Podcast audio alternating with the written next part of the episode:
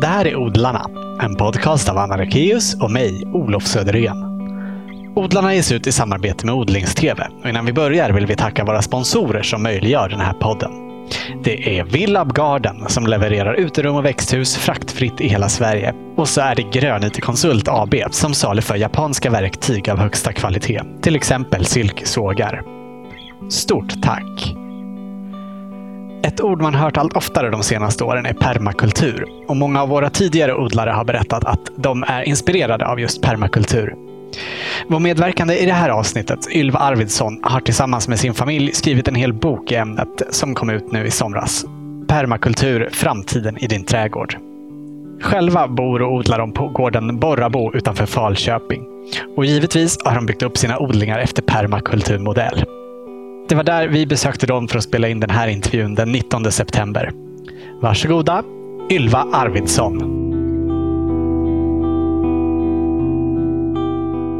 Många av våra tidigare medverkande har berättat att de är inspirerade av permakultur. Men jag har aldrig träffat någon som har skrivit en bok om det innan. Nej. Så Någon gång ska att vara den vi- första. Ja, så vi tänkte att vi ska prata lite mer ingående om det idag förstås. Okej. Vill du börja med att berätta vad permakultur är? Permakultur är ett planeringsredskap, ett verktyg som hjälper dig att planera hur du kan leva och odla uthålligt genom att samarbeta med ekosystemen. Och det finns en rad olika, det är mer som ett förhållningssätt. Det finns en rad olika principer, det finns eh, metoder och det finns tänkesätt som hjälper dig att Mm. leva ihop med ekosystemen. Och vi måste ju leva upp med ekosystemen, för det är ju de enda långvarigt uthålliga systemen som finns på den här planeten. Så det är de som kan rädda oss framöver när mycket annat faller, när klimatet dummar sig och när det blir ekonomiska kriser och vad det nu är som händer. Så vi har utnyttjat planetens resurser till ett visst tak och nu är vi där. Och de enda som vet hur det går till att hålla sig inom ekosystemets gränser är ekosystemen som sådana. Ja, just det, en skog eh, klarar sig ju. En skog är det ingen som går och gödslar och vattnar och rensar utan att man håller Nej, på precis. Men vi kan ju inte äta kottar, men det kan vi återkomma till. Vi kan ju härma systemets skog och stoppa in ätbara saker istället. Ja. Det är en av de saker som man håller på med mycket i permakultur. Man observerar sitt område. Man tar reda på hur det fungerar på en rad olika plan. Man funderar på hur kan jag spara och lagra energi? Hur kan jag sluta kretslopp och hur kan jag bygga nätverk? Det är de tre viktigaste sakerna att ha klart för sig om man ska börja samarbeta med ekosystemen. Vill du berätta om eh, platsen vi är på? Vi befinner oss just nu i ett gammalt hönshus. Tror det eller ej. Det här är Mm, faktiskt ett hönshus. Ja, det är det yngsta, yngsta kåken här ute på Borrabo gård där vi bor. Utanför Falköping. Och här eh, på 30-talet någon gång så tyckte de att hönsen skulle ha ett lyxleverne. Så då byggde de det här lilla timmerhuset. Och Mm. det är ganska mysigt. Vi ska göra om det till en gäststuga och en stuga för folk som vill komma hit på kurs. Platsen har funnits här dokumenterad sedan 1420. Första gången så finns en nämnd i rullorna. 1420. Alltså namnet Borrabo. Nej, det hette inte Borrabo då, det hette Saxatorp då. Men sen någon gång där, så där framåt medeltiden så kom det knatande någon person som hette Borre. Och på västgötavis när han skulle bo någonstans så blev det ett A istället. Så det blev det Borrabo. För det var där Borre bodde. Så Borrabo finns med på kartor sedan 1645. Ja. Det är helt fantastiskt. Vi hittar dem på historiska kartor på nätet. Leta där, det är jätteroligt att få gamla kartor på sitt eget område. Så vi kan alltså Och känna igen... boningshus är ja, delvis från boningshus är 1600-talet delvis, också. ja, delar av det säkert från 1600-talet. Den stora vasstäckta ladan som ni såg här utanför när vi tittade runt lite förut. Den är ju delad definitivt från 1600-talet. Det har museifolket sagt så det kan vi liksom ha svart på vitt. Så är det. Precis när kåken är byggd och så, det kan vi inte riktigt veta. Men det är troligen någon gång efter 1645 så har man flyttat kåken från där den låg till upp på det här lite högläntade stället. Troligen på grund av att det är bättre läge för fukt. Så den kåken ligger mycket bättre till nu än vad den gjorde innan. Sen, ja, den har ju legat där sedan i många hundra år vid det här laget, men den ligger perfekt placerad i landskapet på en högsta punkt. Och så är det morän, så det är drän rakt ner. I några av rummen där inne där är det fortfarande kvar som gammal mullbänk. Ni vet vad det är? En, mullbänk är ju att du egentligen har lagt kåken på marken, strängt taget. Du har grävt bort naturligtvis det allra mm, jordigaste lager, själva matjorden är borta. Men sen har du kanske någon centimeter luft bara. och sen är det brädorna. Där har vi ingen fukt. Och när vi inte har våra värmesystem som är de lite modernare delen av huset där vi har golvvärme och isolering och så. När de inte är påslagna, då är mullbänksgolven de varmaste. Aha. Det fungerar som det ligger en... liksom reglar på, Ja, det, på det jorden? ligger, då? du har ju timmerstommen, Mm. ligger på stenar. Och sen så ligger ju regelverket fäst i timmerstommen, så det ligger inget Mm, trä. kontakt det mellan- ligger inget trä mot Nej. jorden. Men du har bara ja, ett litet skikt av luft emellan. Och sen så är det knustort för att det är placerat på rätt ställe. Vilket för övrigt är en väldigt viktig sak när man håller på med permakultur, att sätta rätt sak på rätt plats. Vi är Ja. besatta av funktion. Hur, var ska jag ställa den här grejen nu så att den kan utgöra mer än en funktion i det behovet som finns här? Vi har någonting vi behöver få gjort. Och hur kan jag använda den här grejen så att jag verkligen kan ha nytta av den på fler än ett sätt? Du kan ta som exempel eh, växthuset i kombination med pannhuset som vi har här uppe. Om vi placerar ett pannhus rygg i rygg med ett växthus som är då längs ena murväggen. Ja, det är som ett ganska långsmalt hus som är själva pannhuset. Och, Du ja, tänker dig ett vanligt ryggåshus och så precis mitt i så är det en stor mur.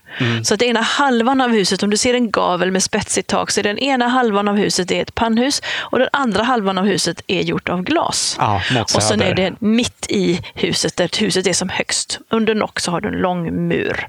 Och det är en ganska tung mur, så att den kan ta emot mycket solvärme och behålla den och skicka ut det på natten. Men det finns ett hål i muren för att vi ska ta vara på extravärmen precis när den behövs, nämligen höst och Mm. vår.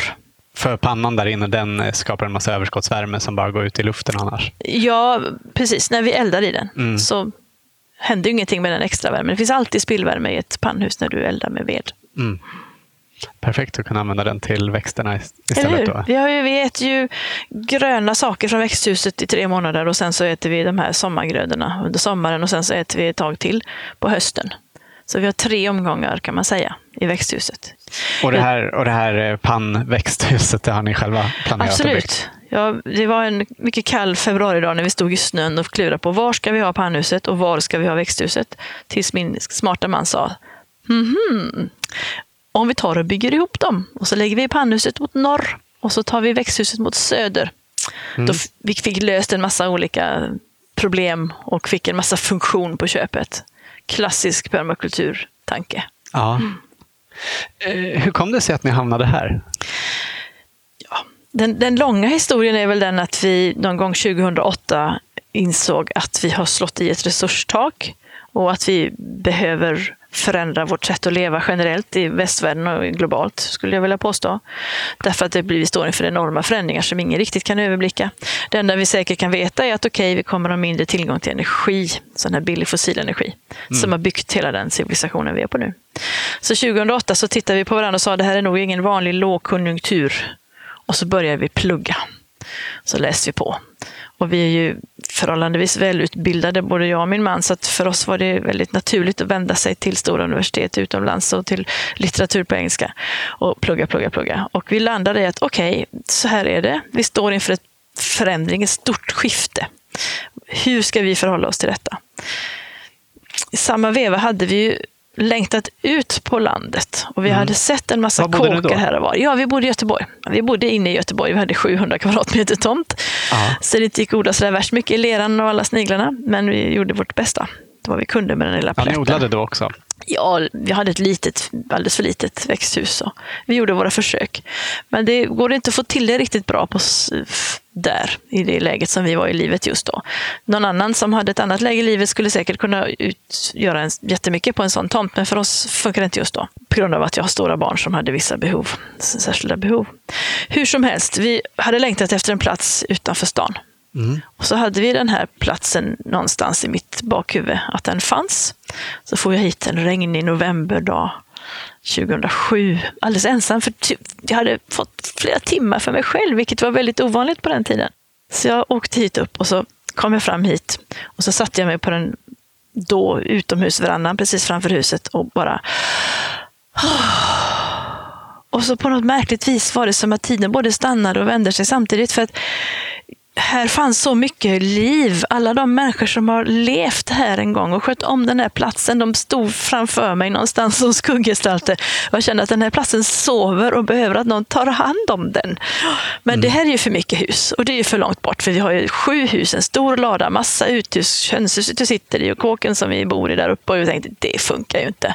Men var det till salu det här då? Jajamensan, det var ja. till salu. Det var till salu, så det var, det hade ju, var så jag kom hit, för att jag såg en liten annons. Ja. Men vi, jag slog det ur hågen och tänkte nej, jag får åka hem igen. Men hur det nu var så råkade jag faktiskt ha en jag hade kexchoklad i bilen och kände att jag får äta lite innan jag åker. Och så såg jag det här huset som vi sitter i nu. Och så gick jag hit och öppnade, för det regnar ju förstås, så det var mm. inte så insmickrande precis här uppe då. Och öppnade dörren och så såg jag proportionerna på det här rummet vi sitter i nu och alla de fönstren som är runt omkring oss och kände att wow, tänk vad man skulle kunna hitta på här, massa roliga grejer. Sen åkte jag hem och så sa jag till min familj, det är någonting ni måste se. Nästa dag är vi här. Och resten är historia. Det tog ett tag, det var många irrgångar fram och tillbaka, men eh, vi köpte huset i väldigt tidigt 2008. Och så reste vi fram och tillbaka till stan många år, fram till 2011, där vi bestämde oss för att nej, nu är det dags att flytta för nu är vår tonåring redo. Hon hade sagt nej innan. Mm. Sen sa hon plötsligt att jag kan gärna flytta till Borabo. Då mm. tog det tre månader så var vi här. Men ni hade det som landställe innan det? Ja, visst året runt. Här fanns inget vatten, här fanns inget avlopp, här fanns eh, ingen el. Nej. Så att vi flyttade ut till eh, medeltiden nästan när vi flyttade då. Så vi bodde ju här i åtta månader sedan 2011 utan något av det här. Vi fick el eh, första advent det var en mäktig känsla. Alla borde leva utan el en period. För det är så himla härligt med el. Och vi bara använder det rätt upp och ner och tar det för givet. Men har man fått leva utan det ett tag så inser man hur fantastiskt det är. Det är helt otroligt. Det lyser, det ser, vi ser varandra här inne i dunklet. Mm. Du kan spela in grejer här och vi kan eh, titta på Netflix om vi vill hemma vid. Ah. Ja, det är helt magiskt. Och du kan också dammsuga. Vilket jag aldrig i mitt liv trodde jag skulle sakna. Men det gjorde jag de där åtta månaderna. Att ja. leva utan dammsugare, det är inte lätt. Allra värst vill jag bara säga då. Civilisation. Kan ni gissa, vilket är den viktigaste civilisationsfaktorn i vårt moderna liv? Det kan ni aldrig ana, för ni tänker inte på det någonsin. Avlopp. Att ja. kunna hälla ut vatten inne. Det är det absolut största skillnaden det gör i ett liv. Mm. Bära in vatten är en sak, det kan man leva med. Mm. Bära ut slaskvatten. Och hantera sitt liv utan att ha rinnande vatten som du kan hälla i en vask. Mm. Det är mycket svårare. Så vi är glada för den perioden i livet, för den har verkligen visat oss vad som är viktigt och vad som vi behöver vara tacksamma för. Mm. Men du, du, jobbade som lärare då innan, innan flyttade ja? Ja, inte vid det laget, för jag har varit lärare i många år. Men sen har jag varit utbränd vid två tillfällen och eh, hittat på andra karriärer runt omkring det. Hur kom du in på det här med permakultur? Ja, det var, jag och min man vi satt ju där 2008 och kliade oss i huvudet och undrade vad det var som hände i världen runt omkring med den stora kraschen. Och i samband med att vi försökte klura ut det så hade vi en god vän som studerade till arkitekt på Chalmers i Göteborg. Och hon kom och stack en bok i händerna på oss och sa det, här, du, det finns något som heter permakultur, det tror jag ni kommer gilla. Och det gjorde vi. Mm. Så nu är vi här. Ja. Gick det raka vägen därifrån till att sätta igång? Eh, nej, kanske inte. Därför att det tog ett par år innan vi kunde flytta ut hit. På grund av att vi hade tonåringar som behövde vara kvar en viss tid i Göteborg. Mm. Så det blir väl mer det att det blir fördjupade studier för oss. Så att vi, vi liksom hit the ground running, som man säger på engelska. När vi väl kom ut hit så hade vi ganska klart för oss vad det var som vi ville göra med den här platsen. Och att det var permakultur vi ville använda oss av när vi planerade för våra framtida eh, odlingar och för vårt liv här uppe. Mm. Vill du berätta mer om boken? Ja, det vill jag ju såklart. Ja. Det är ju en bok som vi känner att vi är glada och stolta över. Jag har skrivit och min man är mycket inblandad som bollplank och tänkare och som korrläsare inte minst. Mm. och sen har vi andra vänner som har hjälpt oss att korrläsa också. Och min dotter har gjort alla illustrationerna. Hon är mm, jätteduktig illustratör. Du tycker det? Ja, men vad roligt. Ja. Vi är också väldigt nöjda och glada med den. Vår tanke med den är att det ska vara en nybörjarbok. Det ska vara en bok för människor som aldrig hört talas om permakultur. Men det ska också vara en bok som sådana som hållit på med permakultur ett tag ska kunna använda sig av i vissa detaljer, för vi har gått väldigt djupt in på till exempel matjordens näringsnätverk och det inte, finns egentligen inte skrivet på svenska idag. De nya, den nyaste forskningen kring hur matjordens näringsnätverk fungerar och balans mellan svampar och bakterier och hur viktigt det är i matjorden. Så det är ett avsnitt som jag tror att även erfarna personer ska kunna ha glädje av. Men vår målsättning är väl mer det att vi tycker det är roligare om det är miljarders med folk, det var att ta i, men om det är ett antal tusen personer som, som läser boken och som kan göra vissa grundläggande saker mera rätt när det gäller att samarbeta med ekosystemen. Att vara mera samarbetsvilliga saker än att jobba mot dem. Om man gör vissa grundläggande saker rätt från början så är chansen att resten blir rätt också mycket större. Och för oss är det bättre om några gör någon liten grej var, här och där, än att tolv personer flyttar ut i skogen och blir superpermakulturister på heltid. Mm. Så det är ett bredspektrum bok, har vi tänkt oss. Och vi hoppas att det ska funka så. Ja. Så det är inte en vanlig trädgårdsbok i den meningen att du hittar inga långa listor på vilka växter och så, för det har Lena Israelsson gjort med den äran. Vi behöver inga andra böcker nästan, för hon har verkligen täckt upp detta på ett fantastiskt bra sätt. Det vi pratar om är mera planeringen, systemet, tänkesättet. Hur fungerar jorden? Vad kan du faktiskt praktiskt göra för att din jord ska fungera på ett bra sätt? Så att det är väldigt mycket mer metod och ja, det är ett verktyg för hur du kan tänka mycket mer än vad andra trädgårdsböcker är. Så på sätt och vis så, så konkurrerar den ju inte med andra trädgårdsböcker, för det finns jättemånga jättefina, väldigt bra trädgårdsböcker. Men vi vill gärna ge den här helhetsbilden. För ekosystemen handlar om helheter, de handlar inte om detaljer. Det handlar om hur du kan kombinera detaljerna så att helheten blir bra. Det är vårt syfte med den här boken. Mm. Ni skriver att det är inte bara för den som har en stor tomt att bygga upp sina odlingar eller sitt permakulturtänk på. Utan Bra att du också, sa det. Också att man kan verkligen göra det i, det, det lilla. Det är jätteviktigt. Man måste verkligen inte flytta ut i skogen och ha ett hektar och göra hela, alla fem permakulturzonerna som vi brukar prata om. Utan du kan ha permakultur i en kruka i ett fönster. Därför det handlar om hur kan du bygga ett litet ekosystem som fungerar utan att behöva köpa saker? Hur kan du spara och lagra energi? Hur kan du bilda ett litet kretslopp? Kan du ha mer än en gröda i samma kruka? Planterar du en liten sån här pyttetomat som du kan ha i ett köksfönster, ja, då kanske du ska peta i några basilikafrön runt omkring. Så att du bildar ett ekosystem som är mångfaldigt och inte enfaldigt. Mm. Du kanske inte ska köpa din jord, som för övrigt är torv, som man kan ha åsikter om i och för sig. Men vår ja, det, kan man, det var vi inne på faktiskt i förra ja, avsnittet. Eller hur? Nej, men torv, torv, min slutsats vad gäller torv efter våra efterforskningar och våra erfarenheter är det att okej, okay, de torvmassor vi har brutit upp är det så illa tvunget att fortsätta med för det blir för alldeles för stora utsläpp om man försöker dränka dem eller göra någonting annat. Men vi ska banne inte ta upp några fler. För Nej. det är också en ändlig resurs och de ingår också i ekosystemet på ett sätt som inte går att ersätta. Läser ni boken så kan ni lära er hur man faktiskt bygger jord själv, till och med i en blomkruka. Du kan lagra i en lite större kruka så börjar du med lite grus i botten och sen så lägger du lite gräs och lite strå någonstans och någonting lite kolrikt och något annat kompost, potatisskal, vad du nu har, organiskt material i olika lager som en lasagne. Och så överst, för att det ska se lite tjusigt ut, så kan du ha lite köpjord allra överst då, om du tycker det blir finare.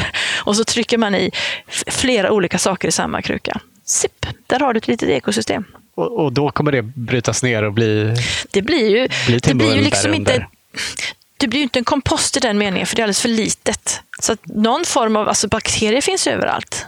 Så bakterier kommer finnas. Svamphyfer finns överallt. Svamphyfer kommer kunna växa i en sån blandning. Om du bara ger bakterier och svampar och resten av mikrolivet rätt förutsättningar för att leva, det vill säga du måste äta någonting, du måste dricka någonting, du måste kunna andas. Så ser du till att det finns luft och vatten i lagom proportion till varandra och organiskt material till mat, så kommer de att börja bryta ner. Mm. Du får inte värmen, så du kan inte döda patogener och du kan inte heller döda ogräsfrön och sånt om du inte får upp värmen. Men i princip är det som en liten kompost kan man säga. Mm. Det kommer sjunka så du får fylla på uppifrån. Gräsklipp är ju en sån här himla bra grej du kan lägga överst för att det inte ska dunsta av. Det har jag även inne. Aha. Och ramlar det grejer från blomkrukorna hemma så samlar jag upp och sen lägger jag det på jorden i blomkrukan. Allt för att ekosystemet ska trivas. Jag tycker man har hört eh, mycket om permakultur, framförallt de senaste åren. Men de här idéerna är inte helt eh, nya. Oh nej, de har funnits sedan eh, sent 70-tal kan man väl säga. Ja. För sent 70-tal i på Tasmanien fanns det en ung man som heter Bill Mollison. Och han såg hur den nya moderna tiden körde över allt levande på hans gamla ö där han hade vuxit upp och blev väldigt arg. Så han var arg ung man där ett tag och protesterade och skrek nej och demonstrerade. Tills han liksom någonstans kände att det hjälper ju inte denna rugg. Såklart gör det ju inte det.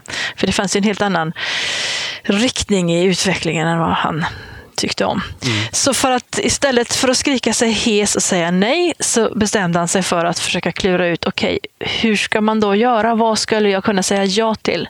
Och han utbildar sig till biolog och börjar jobba på universitetet och klurar ihop en det här som vi idag kallar för permakultur tillsammans med en av sina studenter som heter David Holmgren på svenska, men han heter väl David Holmgren då, där han bor, för han är också där nere från Australien. Och de två tillsammans myntar då begreppet permakultur i slutet av 70-talet och i början av 80-talet så skriver de några böcker.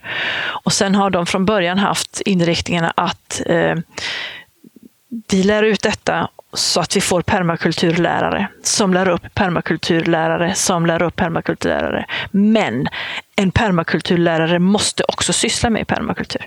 Så du kan inte kalla dig själv permakulturlärare om du inte själv håller på med det. För det fantastiska med det här konceptet, det kommer ju från en akademisk nivå. Och det är ju väldigt kunskapsintensivt. Man behöver lära sig massa olika saker för att få ett riktigt bra ekosystem som rullar omkring dig. Men man knyter ihop teori och praktik på ett sätt som jag tycker att jag inte har hittat någon annanstans. Så att för mig är det den stora, stora vitsen med permakultur. Att hela den stora övergripande stora orden om att ha omsorg om planeten, omsorg om människorna och att alltid återföra återskott till människor och planeten som är de tre etiska grundpelarna för permakultur går att tillämpa faktiskt i ditt eget liv på ett praktiskt sätt. Om man lär sig lite grann om hur ekosystemen fungerar. Och att från den här lilla starten med bara de här två människorna så spred det sig ganska snabbt till väldigt många olika människor över hela världen. Och i dagsläget så är det väldigt stort internationellt. I USA finns det massor med permakulturister och det finns också över hela Europa och hela, i Asien också, över hela världen och i Afrika. Permakulturister har gjort väldigt stora mm, hjälpinsatser i torra områden till exempel genom att lista ut hur du ska jobba med konturerna i ett landskap för att fånga så mycket vatten som möjligt. Så det är lite grann på tiden att vi här i Sverige också får upp ögonen för detta. Mm. Alltså jag tror att vi här i Sverige har eh, varit alldeles för, vi har, alldeles för ska inte säga, men vi har varit så pass rika. Vi har haft det så bra, vi ser inte de här stora förändringarna som pågår. Vi har inte, befinner Nej. oss inte i ett torkområde där grödorna dör. Utan det, det här sättet som vi har gjort nu sedan andra världskriget och framåt när vi började dra på med fossil energi har fungerat alldeles för bra om man säger så. Så vi har inte haft behov av att hitta de här andra vägarna. Det är först nu när vi inser att oj, det är ingen näring i maten längre. Så här, oj, vi producerar inte vår mat. Oj, klimatet förändras. Det är först nu som det egentligen finns en sorts mental beredskap och mottaglighet för den här typen av idéer. Så tror jag. Mm. Har du alltid odlat? Jag har väl alltid velat odla. Men det är som det är med livet, vet du. Det är inte alltid det finns utrymme för det. Men det har funnits där i mitt huvud jämt och jag har också hållit på så gott jag kunnat efter de förutsättningar vi har haft. Så det är en väldigt naturlig fortsättning för mig att bara glida in i det liv vi har här mm. genom att odla så mycket som möjligt. Vi strävar inte efter att bli självförsörjande för övrigt. Många säger att de vill bli självförsörjande och jag har stor respekt för den strävan för jag förstår att man kan längta efter det. Men det är något lockande med det. Det är väldigt lockande med det, ja. Med tanke på att vi har blivit reducerade till konsumenter vi konsumerar ju, det är den enda roll vi har, det är att köpa något och konsumera det. Och personligen är jag övertygad om att vi är skapta för att producera och vi blir, vi blir sjuka om vi inte får lov att producera någonting. Då blir man konstig i huvudet och får ont i kroppen och man mår inte bra alls. Så man behöver producera på något sätt. Och att odla mat själv är ju en sån grundläggande trygghetskänsla har det eget. Men ur permakultursynpunkt och systemsynpunkt, helhetssynpunkt, så är det lite för sårbart. Därför att som individ, om mm. det hänger på mig, jag är 60 år nu och vem vet, jag kanske bryter foten eller får för högt blodtryck. Jag vet inte vad som kan, det kan hända allt möjligt spännande när man blir äldre. Så ska, ska mitt leverne hänga på att jag just fungerar och mina muskler fungerar, då är jag ju ganska sårbar. Så lika viktigt som att vi odlar så mycket vi kan för husbehov, så är det ju för oss att stödja, understödja och delta i lokala producenters nätverk precis där vi bor. Det dyker upp, det är otroligt i Västra Götaland och här kring Falköping.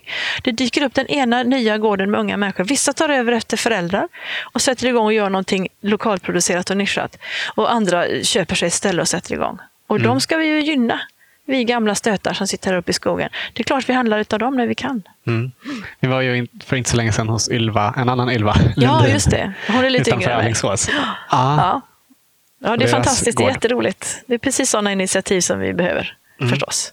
Mat måste ju börja produceras mycket närmare de som konsumerar den än vad den gör idag. Jag vet inte om ni har sett de här senaste checka siffrorna om att jo då, Sverige kan minsann producera hälften vilket är en löjligt liten summa, eh, procenttal. Vi kan producera hälften av allt vi äter här i landet. Om vi tittar närmare och skrapar lite mer på det så ser man ju, okej, okay, den hälften som vi producerar kan vi producera därför att vi måste, för att vi köper in insatsvaror utifrån.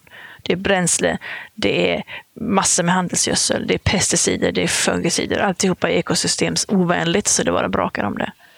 Och eftersom vi står i ett, ett skede nu där vi på, just nu så ser det ut som att Sveriges ekonomi går som tåget. Och det gör den ju, ur någon sorts ekonomisk synpunkt.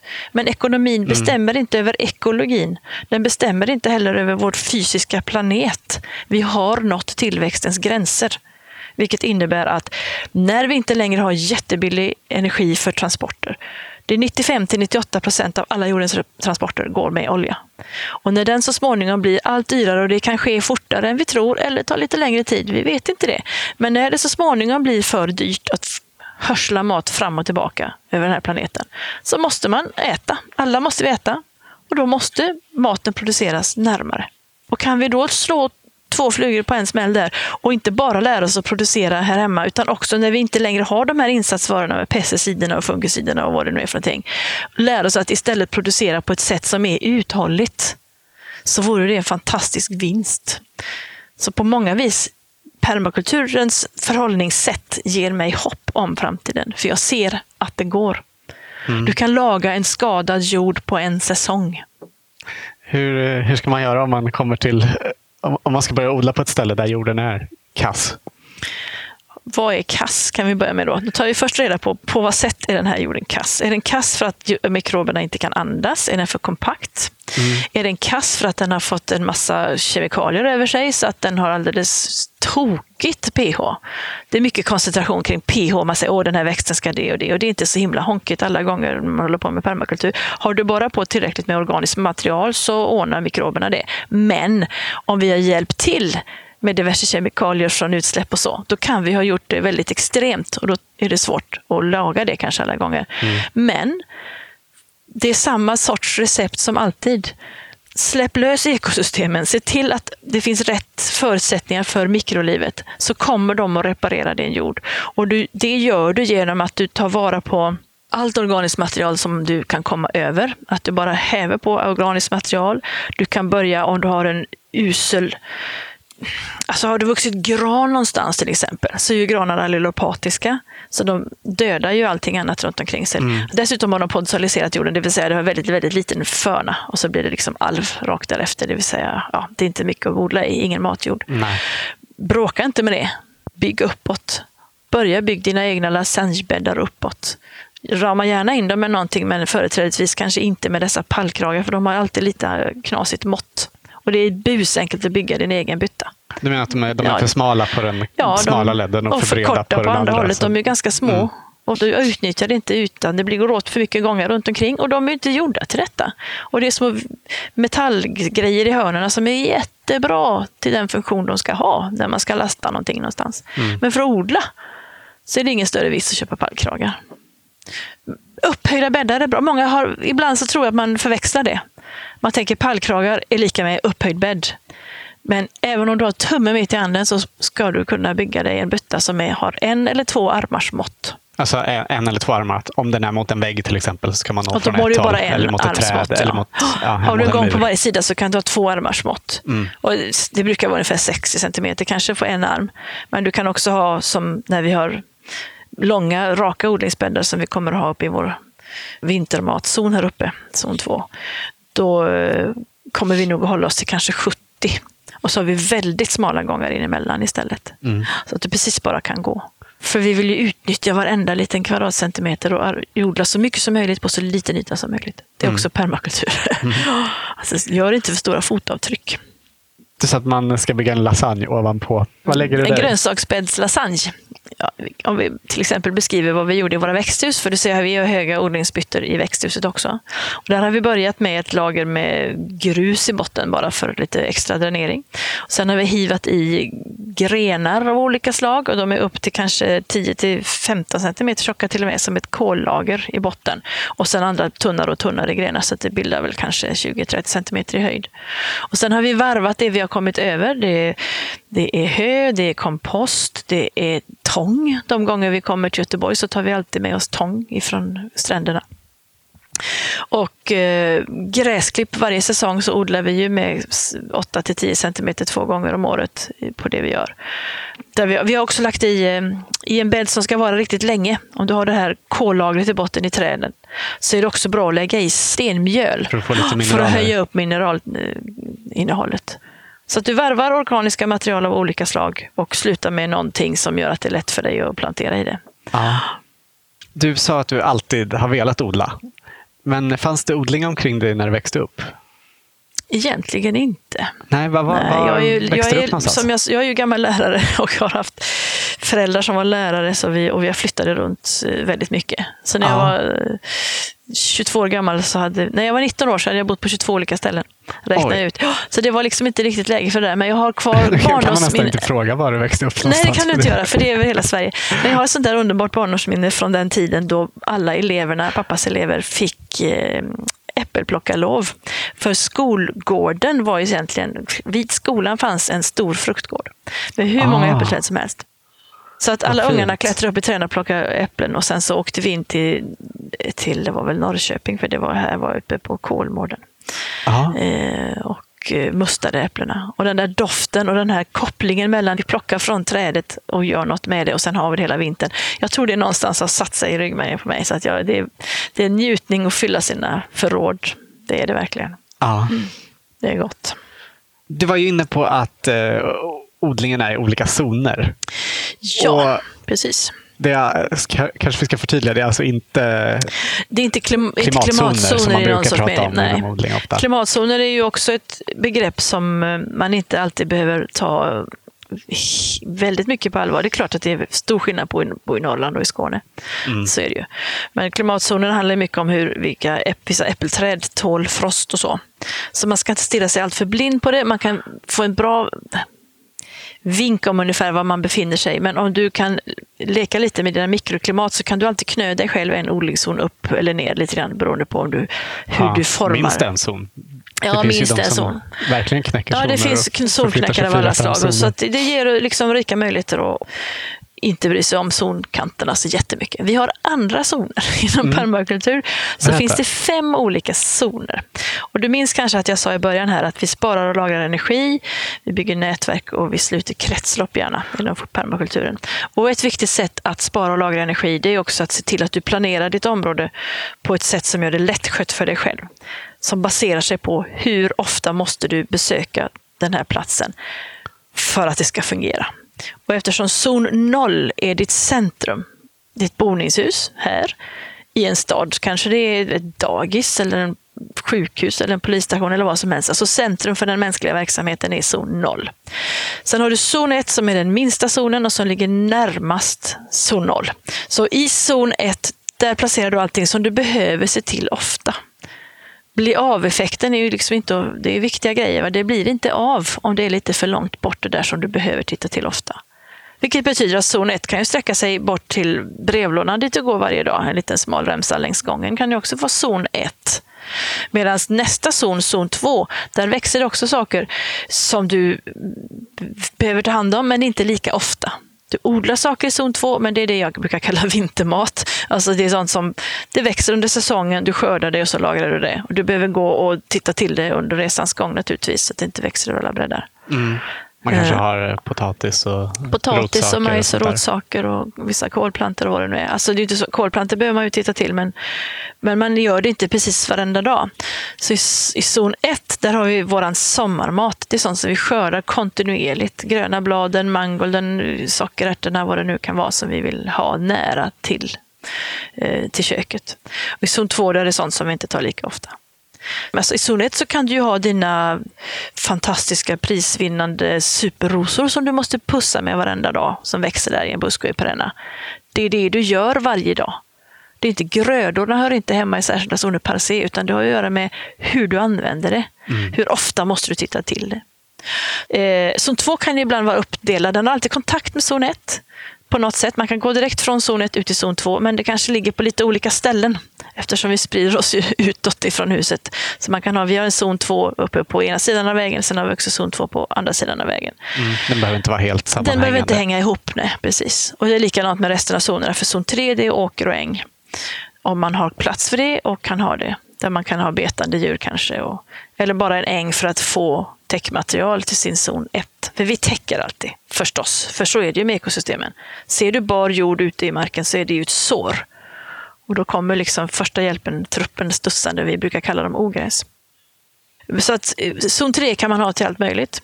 Zon 4 är en skog som du tar skörd från på något sätt. Eh, ofta så är det ju granöknar vi är omgivna av här. Det är ju en solplantering. Det är ju det är inte en skog i det ordets egentliga Nej. mening, men det är fortfarande något du kan ta en skörd ifrån. Och zon 5 är ren vildmark. För i vildmarken kan ekosystemen få breda ut sig. Och om vi nu ska lära oss av ekosystemen så är det ju bra om det finns några kvar att lära sig ifrån. Så vi är aktsamma om zon 5. Så en vanlig villaträdgård har normalt sett kanske zon 1 och 2. Kanske trycker man in en liten ängsnutt någonstans. Zon 4, är- 3 och 4 är bara att glömma bort. Men zon 5, man kan ju alltid liksom låta ett hörne någonstans vara i fred. Sitta där på en stubbe och filura. Se vad som händer. Och lära sig någonting. Tänka på framtiden och universum och vad det nu ligger, vad det, hur du nu är lagd när du sitter där och filosoferar för dig själv. Det var inne på när vi pratade om den här blomkrukan och samodla olika grödor. Det gör ni ju här ute också. Det, det är väl kanske så att håller man på med permakultur så tittar man att, på ekosystemen och ser att det är väldigt, väldigt sällan du har en enda gröda på ett ställe. Utan vi vill ju hellre få det att likna lite mer naturliga förhållanden, det vill säga vi vill ha mer än en gröda. Så det här med samodling är väldigt viktigt. Så ska vi samarbeta med ekosystemen så får vi se till att det finns något att samarbeta med. Du kan inte samarbeta som en ensam liten kolplanta. Nej. Det finns ju det finns Sepp Holzer, ni kanske har talat om honom, det är en österrikisk gammal sturegubbe som när han blev ganska gammal inser att hans sätt att sköta sin plats på förmodligen kan kallas för permakultur. Och det gör det för att han har hela tiden haft ett ekosystemsinriktat sätt att jobba. Han är helt fascinerande. Han har en farm på tusen meter över havet. Och han tar ju alla sina frön vara vad det vara månde, lägger en stor säck och chicka chicka chicka chicka chang chang och sen bara pff, sprider han ut det. Det som klarar sig, det klarar sig. Och det växer fint som tusan och det som inte gör det, ja, då kan man ju inte äta det då. Utan man, sen går han och skördar och så kollar han, "Ha, vad är nog moget nu då? Så är man riktigt modig och djärv och göra avsteg från de här noggranna planerna och rutorna och systemen. Då kan man ju prova det. Vi har inte gjort det än. Jag har inte varit så modig än, men jag kommer att göra en sån sepplåda här borta i zon 2 när vi får ordning där. Eller sepplimpa rättare sagt. Jag tänker att jag ska bygga en liten upphöjd bädd som är som en liten limpa. Det kallas för hugelkultur för du lägger grova stockar i botten. Och så bara blanda och ge. Man, du vet, man får så mycket frön över. Ta alla fröna och skaka om dem. Ja, särskilt om man tar egna frön så brukar det bli Ja, ganska det blir mycket. mycket som helst. Och sen kan man stoppa den på sig och tjagga runt det och så sprida ut det. Det som klarar sig, det klarar sig. Det är Mm. rätt kul. Roligt. Ja. Vi får se, ni får återkomma och se hur det gick. Om man har en trädgård där det finns lite varierande terräng så kanske det är olika saker som tar sig på olika ställen Eller också. hur? Precis, du, du, så är det. Du sprider, du dukar upp ditt matbord och så får du se vilka gäster som kommer. Mm. Och se vilka som trivs där och vad som växer bra. Ja. Det gör ju att ibland kan en permakulturträdgård se lite slarvig ut. För det är inte några raka linjer och det är inte sån här svart jord och fina bilder på det viset. Men de är väldigt produktiva och du får mer skörd med mindre arbete. Bara du vågar ta ett litet steg tillbaka. Det betyder ju inte att man inte jobbar som en tok genom att, att tänka igenom vad är det för mikroklimat här och hur kan jag förstärka den effekten? Kan jag lägga stenar runt det här nysatta trädet så att jag verkligen får temperaturen och inte slår lika fort? Alltså man hjälper ju verkligen till. Men man underordnar sig och man hjälper till på ekosystemets villkor. Hur kan jag hjälpa livet att göra det där jobbet åt mig som jag tror kanske att jag ska göra själv? Genom att gräva och lufta. Det är luften måste jag gräva. Nej, gör inte det. Gräv inte för all del. Sälj spaden och köp en grep. Gräver du mikrob, du tänker ett spadtag för en mikrob, det är rätt långt. Gräver du den och vänder på den, då får ju de som gillar syre här uppe, de får panik där nere. Och de där nere som hatar syre, de dör ju på tvärsen när de kommer upp i luften. Och dessutom så tycker du att det ser luftigt och fint ut när du har grävt. Ett regn senare så har du sjunkit fem centimeter. Du har fått ingen luft ner i jorden. Du får inga kanaler som förflyttar vatten på ett bra sätt. Du slår sönder humusen som du, dina stackars mikrober har jobbat så med att bygga. Gräv inte. Gräv första gången. Har du, kommer du någonstans och det är hårt och kompakt, då kanske du måste gräva. Det kan hända att du behöver gräva. Men sen är det så sällan som möjligt och absolut inte varje år. Nej, har man bara fått upp mullhalten ordentligt så finns ja, det ju ingen finns anledning. Ingen anledning. Kliv inte i bädden. Det, är sån här, det finns några dödssynder. Det Kliv inte i bädden. Aldrig trycka till. Och därför är det bra att ha bäddar du kan nå med en eller två armar. Mm. Så att du aldrig behöver kliva i bädden. Nej, precis. Är det större så... Ja, då måste du plötsligt ta ett steg in. Så känns ja. man måste liksom... Då måste du ha ett steg för att inte ramla omkull. Och då har du genast tryckt till och tagit bort förutsättningarna för liv som vi har mm. pratat om. Om man Maten, absolut vill ha det så brukar jag rekommendera att man ska lägga någon sten eller något. Som absolut, man kan sätta en klivsten, ja. Absolut. Det är en väldigt bra lösning mm. på det. Du nämnde ju att man till exempel kunde titta hur saker funkar i skogen. Och något som många också tror jag förknippar mycket med eh, permakultur är ju skogsträdgårdar. Ja. Och det har vi pratat lite om med odlarna förut. Mm. Men det visar att ni har en, en på gång här ute också. Ja, en skogsträdgård utgå från mönstret skog. I mönstret skog där har du ett mönster där du har höga träd, du har buskar, du har lite lägre träd och så har du marktäckare och kanske växer något i jorden och kanske slingrar det någonting upp i träna. Så vad man gör är att man härmar mönstret skog men stoppar in ätliga växter istället.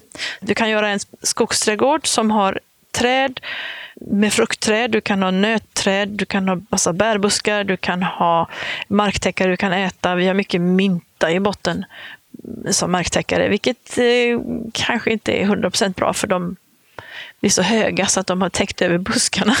Vi måste mm. klippa dem ofta. Mm. Vi kan bättre hitta en lite lägre marktäckare. Men slutmålet är att i ett skogsbryn så planterar vi så att vi får in så mycket sol som möjligt, för det börjar ju lågt och går uppåt. Sen kan du göra en skogsträdgård över ett större yta där du också blandar och ger de här olika höjderna.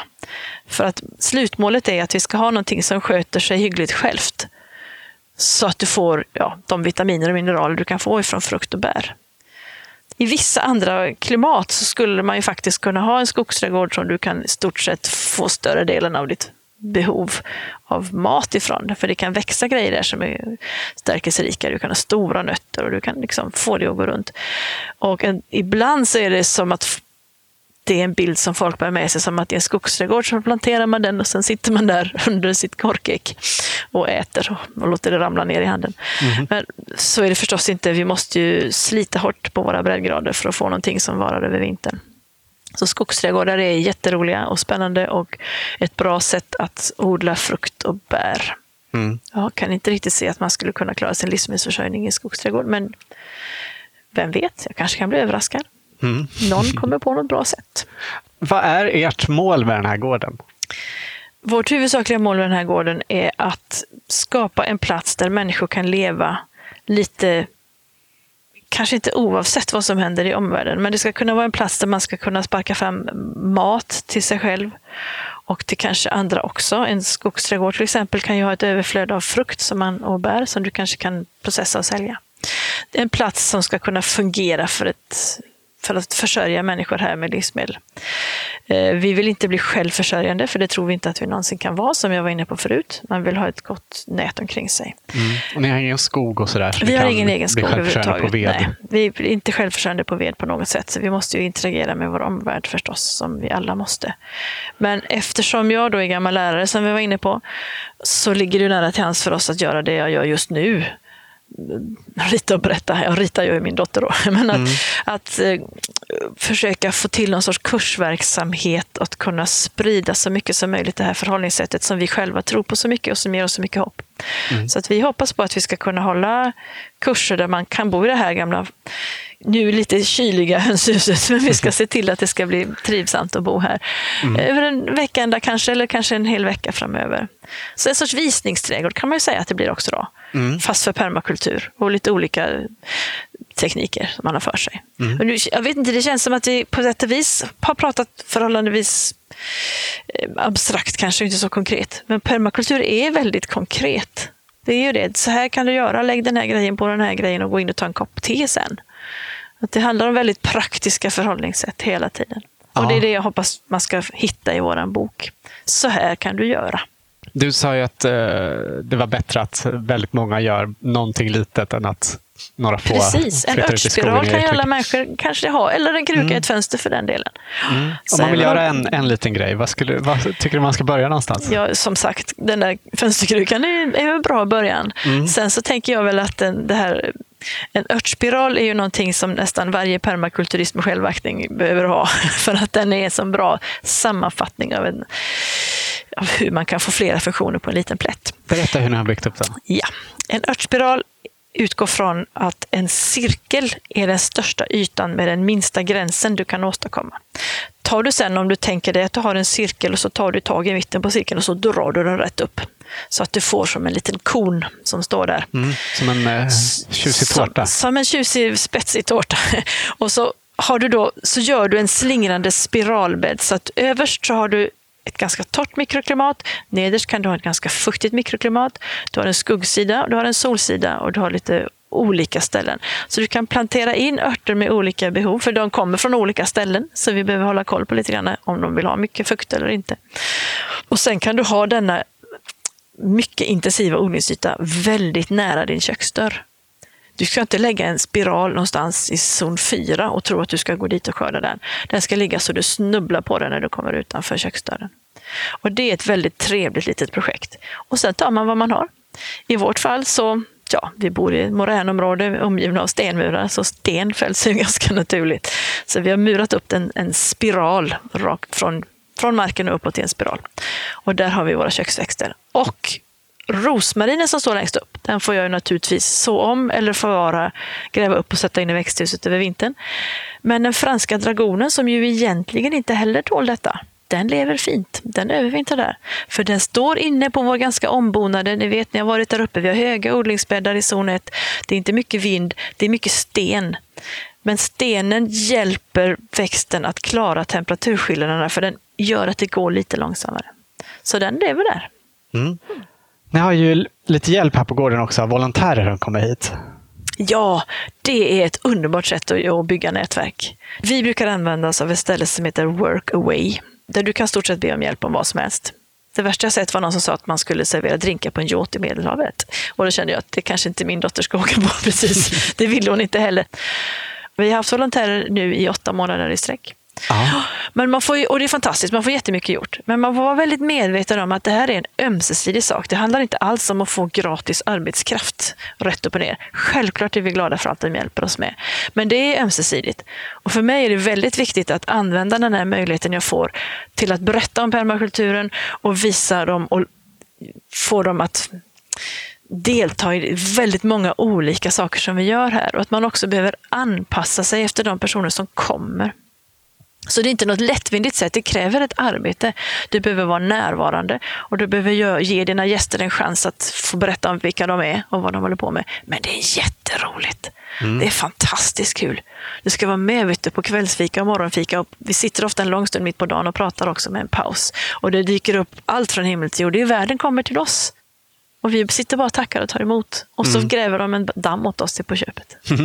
Ja, det kan jag verkligen rekommendera. Ja dammarna, ja. de, de berättade faktiskt inte om förut. Nej, jag har inte sagt något om dammarna. Vi var ute och tittade på dammarna. Ni har ju rätt många dammar. Jag har rätt många dammar.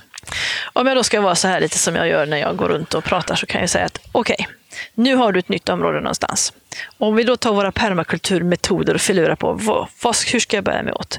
Du har först en lång tid där du behöver titta på ditt område och ta reda på ett antal saker. Och det första du kollar upp det är vad kommer in i mitt område? Varifrån? Vad finns det för sektorer som kommer in i området? Sol, vind och vatten har vi här uppe. Sen börjar du klura på, okej, okay, hur kan jag ta vara på detta? Kan jag spara och lagra energin i detta på något vis? Kan jag använda det för att bygga ett nätverk? Hur ska jag sluta kretsloppen kring det? Och för oss som bor som vi gör så är det förhållandevis lätt som jag sa. Vi behöver se till att få in solen, vi behöver skydda oss mot viss vind. Och sen har vi ju alltid vatten. Och vatten kommer uppifrån. Oavsett var du bor, om du inte har någon behöver ta en bäck eller en, eller en sjö eller något naturligt vatten omkring.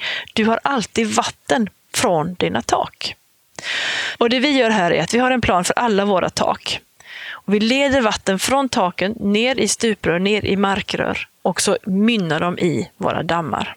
Och dammarna utgör fantastiska ekosystem. Har du vattnet där så kommer livet, inklusive då mygglarver. Ja. Mygglarverna de gillar ju också detta. Wow! Och när det hände hos oss och vi såg att vattnet i vår första damm såg mer ut som gröt än vatten, för det var så mycket larver, så tänkte vi okej, okay, vi har växter i dammen och vi har grodor och allt möjligt och nu har vi också mygglarver. Hur löser vi det här på det minsta ingreppet? Två mil åt Falköping med vår biogasdrivna bil, fem fiskar och två dagar senare så är de väck. Det finns inte en mygga. Det är mindre myggor där vi sitter och fikar än vad det är ute i skogen. För vi, alla fiskarna äter upp det. Och det är väldigt typisk permakultur. Vi har ett ekosystem. Vad är människans roll? Ta ett steg tillbaka, titta efter. Kan vi göra någon liten grej? Och så göra en grej och så se hur det fungerar. Vi satte dit fiskarna. Sen behöver vi inte bråka med det. Nej. Sen har vi dammar runt hela huset. Det finns fyra olika dammar just nu och vi har två, tre, fyra, kanske fem till på gång. Där vi tar vara på takvatten överallt. För har du takvatten så har du vatten med rätt temperatur, med bra pH och med mycket näring i. Det är det bästa att vattna dina växter med.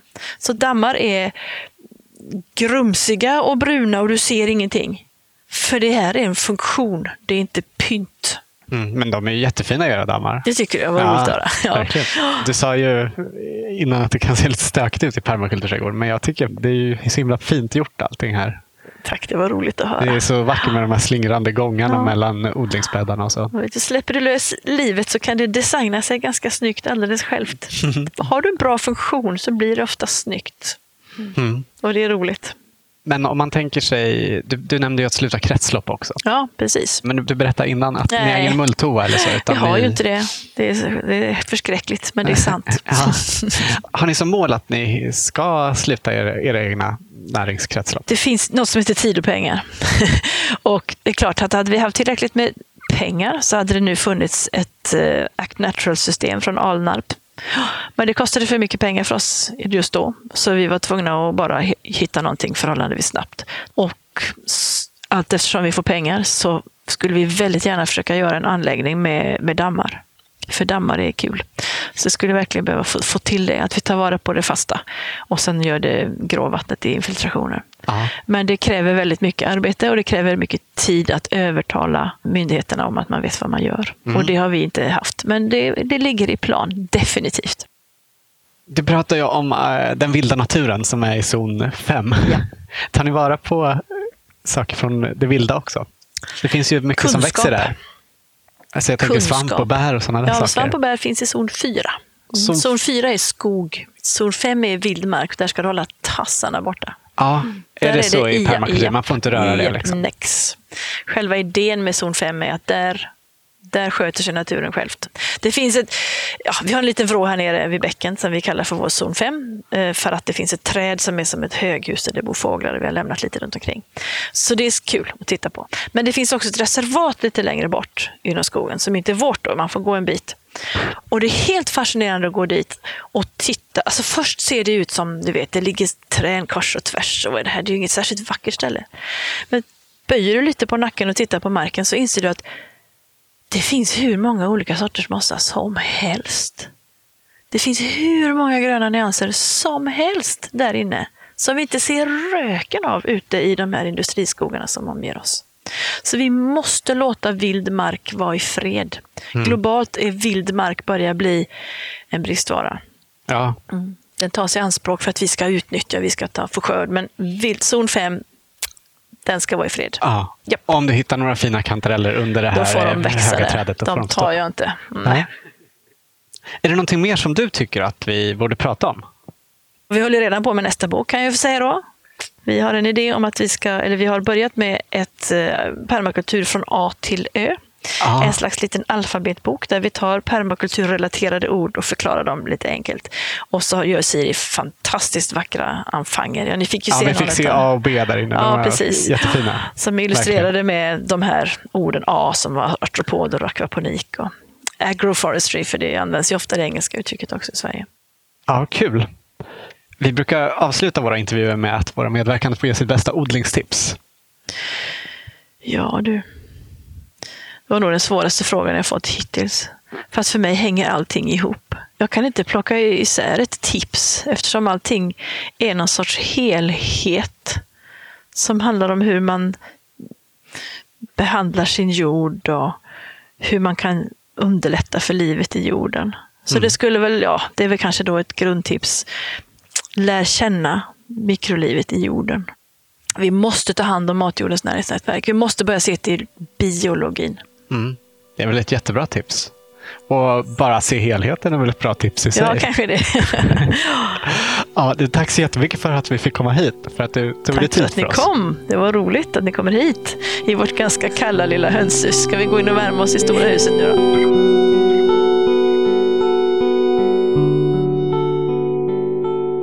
Du har hört Ylva Arvidsson i Odlarna. Boken Permakultur, framtiden i din trädgård finns att beställa på permakulturboken.se. Vill du höra mer om skogsträdgårdar så pratar vi ganska ingående om det i Odlarna avsnitt 17 med Dante Hellström. Vi pratar också en del permakultur i avsnitt 11 med Kristina Schaffer och avsnitt 51 med Jonathan Rain. Och Lena Israelsson, som Ylva nämnde under intervjun, hon var med redan i avsnitt 2. Tack för att du lyssnat och stort tack än en gång till våra sponsorer. Grönyte Konsult och Villab Garden som möjliggör den här podden. Odlarna görs av Anna Rukeus och mig som heter Olof Söderén. Ha det bra! Hej hej!